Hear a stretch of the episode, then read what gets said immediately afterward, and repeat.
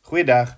Parasha 53 Haazinu wat beteken luister en Parasha 54 Vezot Habrasha wat beteken dit is die seun nommer 5. Tabernakels kind van Abba. Wat het Abba Vader se woord jou geleer die laaste jaar? Het jy gegroei?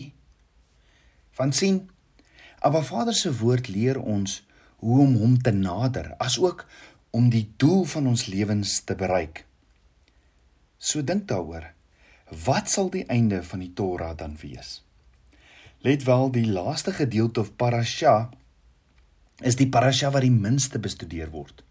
Hoekom? Omdat hierdie parasha gelees word op Simcha Torah, die laaste dag van die fees van Tabernakels op die 8ste dag. Jy sien 'n parasha word normaalweg op 'n Sabbat gelees want ons wat ons 'n volle week gee om dit ook vooraf te bestudeer. Maar Vezot Habrasha, die laaste parasha, word op 'n vakansiedag, die heilige Sabbat, die 8ste dag gelees wat beteken dat dit nooit 'n volle week voorbereiding kon kry nie. En om alles te kroon op dieselfde dag as wat ons Vezot Habrasha lees, begin ons ook die Bereshit te lees. Bereshit wat beteken Genesis, die begin.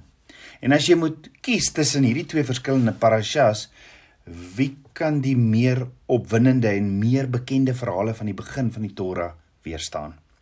Maar hier lê diep diep geheimenisse in Abba Vader se woord in die laaste parasha, soos ons aan die einde van sy 5 boeke kom wat Abba Vader ons wil leer. So kom ons kyk wat is die verhaallyn of die slotsom van die laaste 2 hoofstukke van die Torah. Kom ons kyk watse parels van wysheid op ons wag. Nou die slot van 'n boek is uiters belangrik. Gewoonlik gee die skrywer 'n po poëtiese opsomming van waaroor die boek gehandel het. Die doel daarvan as ook die die hoofboodskap daarin opgevat. Die laaste gedeelte van 'n boek gee die laaste emosionele toon vir hoe jy sal voel as jy die boek toemaak. Gaan jy hoopvol, geïnspireerd en vreugdevol voel? Die vraag is, hoe eindig die Torah? Moses se 5 boeke wat hy geesvervuld geskryf het, hoe eindig dit?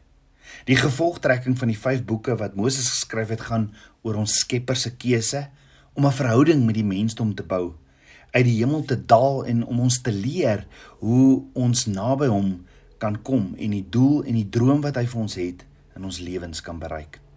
Maar ons het gesien die Torah eindig met Deuteronomium 34 vers 10 tot 12 wat lees en soos Moses vir wie Jahweh van aangesig tot aangesig geken het, het daar geen profeet meer in Israel opgestaan nie wat betref al die tekens en die wonders wat Jahweh hom opgedra het om in Egipte land aan Farao en al sy dienaars en sy hele land te doen en wat betref die hele mag openbaring en al die groot skrikwekkende dade wat Moses voor die oë van die hele Israel genoem het. Die einde Regtig? Hoekom eindig Moses se 5 boeke oor hom? Ek meen sy 5 boeke, hoekom eindig dit die laaste 3 verse oor hom? Jy sien, Abba Vader leer my daar is 'n groter verhaal in hierdie 5 boeke wat geskryf is. Geesvervuld deur Moses. En nee, die verhale van die eerste 5 boeke in die woord handel nie net alles oor Moses nie. Inteendeel, hy verskyn eers in die tweede boek van die woord. En ja, hy is die profeet en hy is die leier, maar sy boodskap van Abba Vader, maar die boodskap van Abba Vader is baie baie belangriker. So dink daaroor. Waarom sou die Torah nie afsluit met iets soos en dit is die ketubah of huwelikskontrak van Abba Vader nie? Kleef daaraan vas, bepeins dit dag en nag, want dit is lewe. Dit sal jou nader aan Abba Vader bring. Jy sal groei. Maar waarom eindig die Torah nie so nie? Hoekom eindig dit met hierdie laaste lof aan Moses? Maar miskien is dit net die laaste sin, want as ek na die res van die hoofstuk kyk, miskien gee dit ons 'n inspirerende gevolgtrekking, maar ook nee. Die laaste hoofstuk handel oor Moses se dood.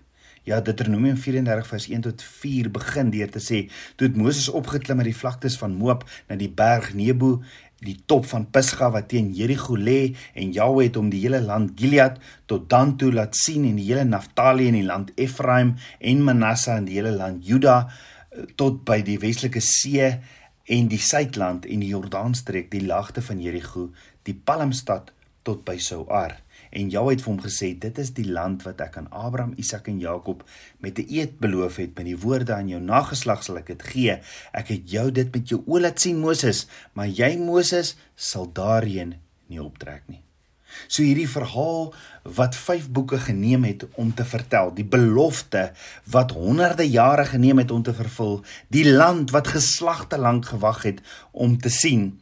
Maar Vader het dit vir Moses met sy oë gewys, maar Moses sal nie oorsteek daarna toe nie. En dit is verskriklik. Dit gebeur net so. Die leier wat die kinders van Israel uit die slawejuk van Egipte gaan verlos het, die profeet wat wonder wat verantwoordelik is vir hierdie 5 boeke van Abba Vader, sal na die rand van hierdie beloofde land gelei word, maar hy kan dit nie self ingaan nie. En dit is nogal pynlik en moeilik om te verstaan want hoor weer waarmee eindig die Torah? Daar het nooit weer 'n profeet soos Moses verskyn wat Abba Vader van aangesig tot aangesig geken het nie. Ek meen, hoe kan jy 'n profeet so groot hê die woord erken dit en dan mag hy nie die beloofde land binne gaan nie? So die Torah eindig met 'n verklaring oor die karakter van Moses. Aan die een kant kon Moses nie die beloofde land binne gaan nie en aan die ander kant is hy die grootste profeet wat ooit geleef het. So waar los dit my en jou? Moses is inderdaad gestraf, maar die woord wil nie hê ons moet altyd aan Moses dink as die sondaar. En dis kom hy nie die beloofde land ingaan nie. Nee, daarom vertel dit ons dat hy die grootste profeet was wat ooit geleef het. Ons moet die tweeledigheid, die kompleksiteit, die skoonheid van dit alles verstaan. Maar dink daaroor. As die Torah ons hierdie tweeledigheid wou leer, hoekom is die laaste hoofstuk in die Torah nie die tweede laaste hoofstuk in die Torah nie? Ek meen, Kom ek verduidelik.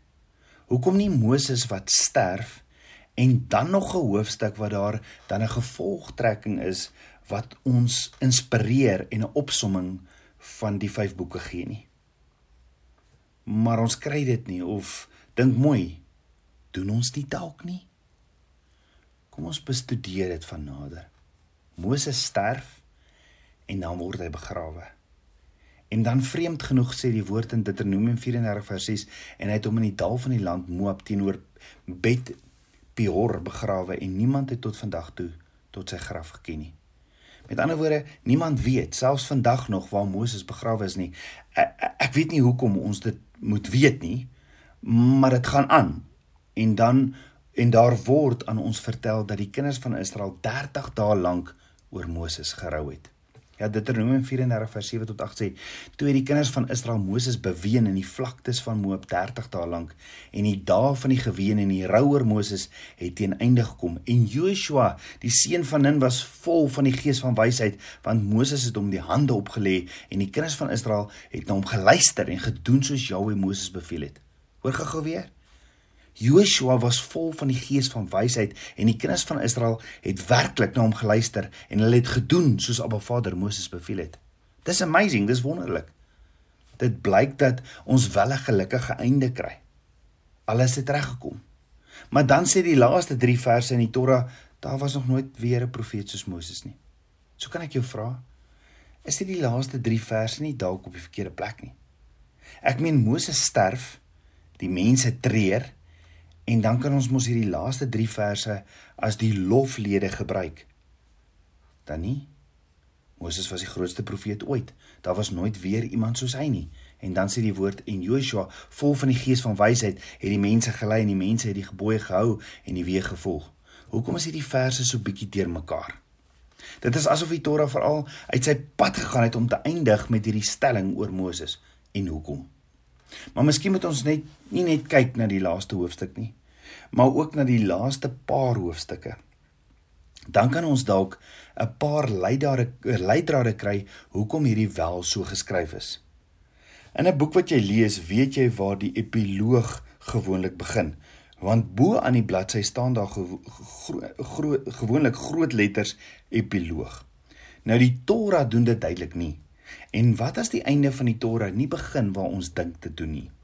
Wat as die slotgedeelte van die Torah net 'n bietjie vroeër as hierdie laaste 2 hoofstukke begin? Of die laaste hoofstuk begin? Om te verduidelik, in die laaste hoofstuk kry ons die beskrywing van Moses se dood. Maar vreemd genoeg is dit nie die eerste keer dat ons die beskrywing hoor nie. Onthou Abba Vader het reeds vir Moses gesê dat hy die berg moet opklim om die land te sien en dat Abba Vader twee hoofstukke gelede vir Moses in Deuteronomium 32 vers 48 tot 52 gesê het daarna het Jahwe op daardie selfde dag ek herhaal daarna het Jahwe op daardie selfde dag met Moses gespreek en gesê klim op hierdie gebergte Abarim die berg Nebo wat in die land Moab is wat teenoor Jerigo lê en dan skou die land Kanaan wat ek aan die kinders van Israel as besitting gee en sterwe op die berg waarheen jy opklim en word versamel by die volksgenote soos jou broer Aaron gesterf het op die berg Hor en versamel is hy by sy volksgenote omdat julle onder die kinders van Israel ontrou teen my gehandel het by die twiswater van Kades in die woestyn sin omdat julle my nie geheilig het onder die kinders van Israel nie want reg voor sal jy die land sien maar jy sal daar nie inkom in die land wat ek aan die kinders van Israel gegee het nie. So kom ons kyk gou weer na wat alles gebeur het. Moses leer die kinders van Israel hierdie lied en dan sê Moses na hy hulle hierdie lied leer in Deuteronomium 32 vers 45 tot 47 en toe Moses met al hierdie woorde die hele Israel klaar toegespreek het sê hy vir hulle gee ag op al die woorde waarmee ek julle vandag gewaarsku het dat julle dit julle kinders beveel om al die woorde van hierdie wet sorgvuldig te hou. Want dit is geen want dit is geen tervergeefse woord vir julle nie maar dit is julle lewe en deur daardie woord sal julle die dae verleng in die land waarheen julle deur die Jordaan trek om dit in besit te neem. Moses sê dit is nie 'n leë of klein ding nie, want dit is hulle lewe. Want hulle dae op die op die land sal verleng dat hulle spoedig oor die Jordaan sal trek om dit in besit te neem of anders gestel te erf.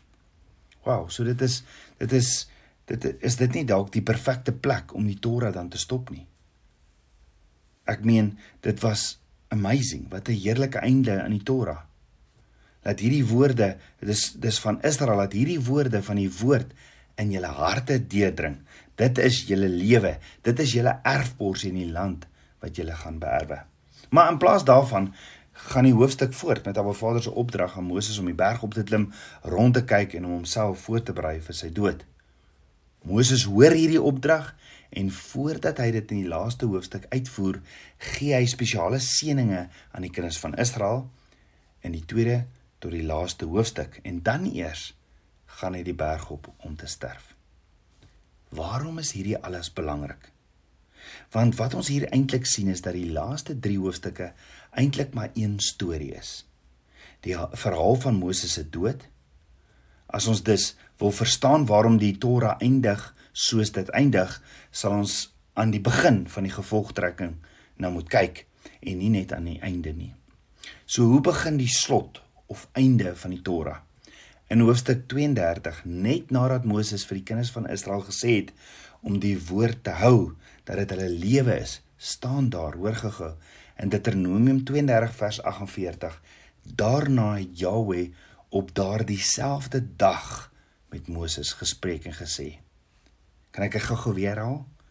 Abba Vader het op dieselfde dag met Moses gepraat en gesê: "Klim op hierdie gebergte Ebarim, die berg Nebo." Het jy dit gehoor? Wat was vreemds in hierdie vers? Wat het jy opgetel? Het iets nie dalk onnodig gelyk of geklink nie? Moes die woord regtig sê daardie selfde dag? Wat as die woord net gesê het, Abba Vader het vir Moses gesê klim op 'n berg Nebo? Dink daaroor. Wanneer was dit wat Abba Vader met Moses gepraat het? Was dit op daardie dag of wat van daardie selfde dag? Wat bedoel jy met daardie selfde dag? Hierdie frase, hierdie hierdie woorde is baie baie besonders hierdie selfde woorde daardie selfde dag in Hebreëus word op drie ander baie baie belangrike verhale of plekke ook in die Torah gebruik. Wat was hierdie woorde daardie selfde dag? Wat as hierdie woorde daardie selfde dag 'n baie belangrike aanduiding gee en betekenis gee aan die gevolgtrekking van die Torah en om dit te verstaan. As ons hierdie woorde op daardie selfde dag ondersoek, kan ons dalk 'n baie baie groter patroon sien van die wat Papa God vir ons wil skilder. So om oor te ponder. Wat beteken die woorde daardie selfde dag en waarom hierdie geheimsinnige einde van die Torah? Ons kan net ontdek waarom die Torah eindig soos dit soos dit doen en miskien nog belangriker wat die gevolgtrekking van Torah ons leer oor die belangrikheid van die Torah as geheel. Wat wil die skrywer, Papa God, vir ons kom leer? As ons hierdie boek klaar maak aan die einde van sy laaste fees, die fees van Tabernakels. Kom ons bid saam. Aba Vader, skieper van my hart, Aba, ek loof en ek prys U. Vader, vergewe my my sondes. Was my met die waterbad van U woord en leer my meer en meer van U. Kom leef in my, Abba. Ek bid dit alles in Yeshua, Hamasieg se naam, die seun van Jahweh. Amen. Shalom.